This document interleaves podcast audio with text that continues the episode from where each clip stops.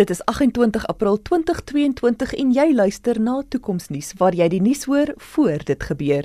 Ek is Jonita Foster en hier volg vandag se hoofberig. Die hoeveelheid verlof wat werknemers per jaar ontvang het gister onder die vergrootglas gekom toe 'n petisie aan die parlement oorhandig is wat vra dat die basiese werknemersregte wet hersien word. Die petisie verduidelik dat alhoewel die hoeveelheid verlof daar voldoende was voordat tegnologie saam met ons op vakansie gegaan het, die kwantiteit nou minder belangrik is as die kwaliteit. Dit stel ook die saak dat verlofure bepaal moet word deur die meting van werklike produktiewe werksure eerder as net aanwesige ure.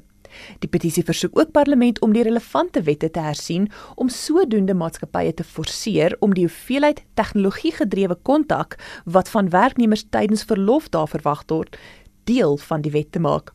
Pieter Geldenhuys is saam met my in die ateljee om te verduidelik hoe tegnologie 'n rol in hierdie saak speel. Welkom Pieter. Hallo Junita. Hoe het ons tot op hierdie punt gekom, Pieter?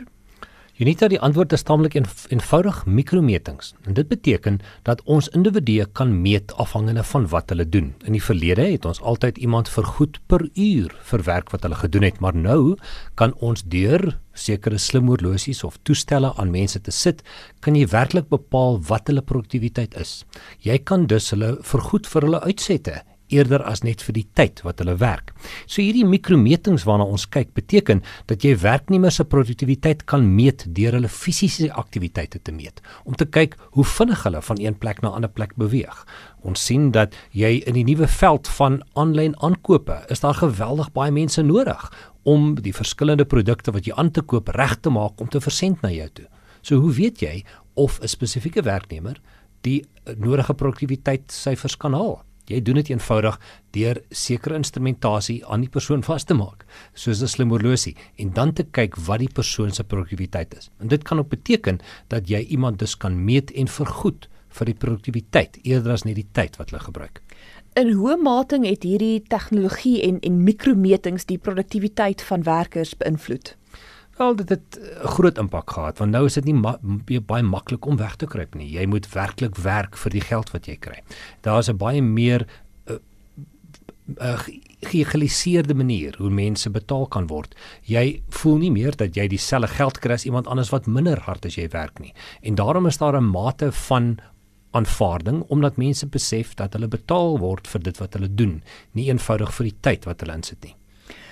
Watter impak het die mikrometings van produktiwiteit op die meer professionele en bestuursvlakke gehad waar jy meeste van die dag sit agter 'n rekenaar en jou produktiwiteit nie noodwendig ingaan en hoeveel keer jy die sleutelbord tik nie?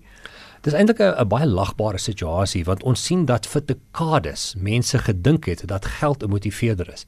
En alhoewel daar studies op ons weet verskeie studies gedoen is wat gewys het dat geld eintlik 'n demotiveerder is, het die meeste maatskappye nie eintlik hulle metings aangepas nie.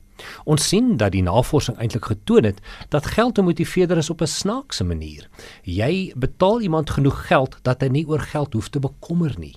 En sodra daai punt bereik is, is daar ander elemente wat inskop. Die navorsing toon dat daar eintlik 3 elemente is wat belangrik is. In Engels praat hulle van mastery, self-direction en purpose. So as ons in Afrikaans daarna gaan kyk, dan praat ons van bemeestering. Hier is 'n spesifieke eh, veld wat jy jouself wil 'n meester in maak. Jy studeer iets spesifiek. Dit is hoekom mense partykeer in hulle vrye tyd 'n stoppertjie doen of musiek speel, want daar is 'n element van motivering om beter te word met dit wat jy doen. 'n Tweede belangrike ding is natuurlik selfbeleining of self-direction. En dit beteken dat ek as individu iets wil doen wat vir my lewe sin maak. Dit beteken ek belyn myself met iets wat vir my lekker is om te doen. En as ek iets kan kies wat vir my interessant is om te doen en ek kan dit belyn met my maatskappy se doelwitte, wat 'n wonderlike omgewing om in te beweeg. Die derde belangrike punt is natuurlik doel. Ons wil werk vir 'n maatskappy wat 'n sekere doelstelling daarstel om 'n verandering in mense se lewens te doen. Nie net van dag tot dag dieselfde werk te doen nie, maar iets te doen wat nie net onsself nie, maar ook ons samelewing verbeter.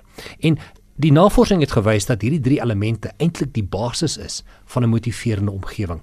Die probleem wat ons het, is dat ons nie verlede gesien is as uh, perde wat uh, geld nood vir ons neus gehou is en ons is so klein bietjie beter ruikend as die normale perd, maar dit is die rigting. So as jy wil hê iemand moet harder werk, betaal hom meer geld. En in die meeste keer het ons gesien dat dit eintlik demotiverend is, want baie keer wil jy as individu iets beter doen vir jou kliënt. Ongelukkig is daar hierdie meetinstrumente waarin jy gemeet word wat eintlik jou verhoed om jou kliënt beter te dien, maar jy doen dit want jou salaris is daarvan afhanklik. En dis sien ons dat die hele nuwe agile beweging of buigbare beweging binne in die bestuur 'n ander impak het. So ja, alhoewel mikrometing belangrik is vir sekere persone wat fisies moet werk, sien ons dat hierdie nuwe denkpatrone 'n groter impak het op motivering vir ander klasse binne in die maatskappy. Baie dankie Pieter.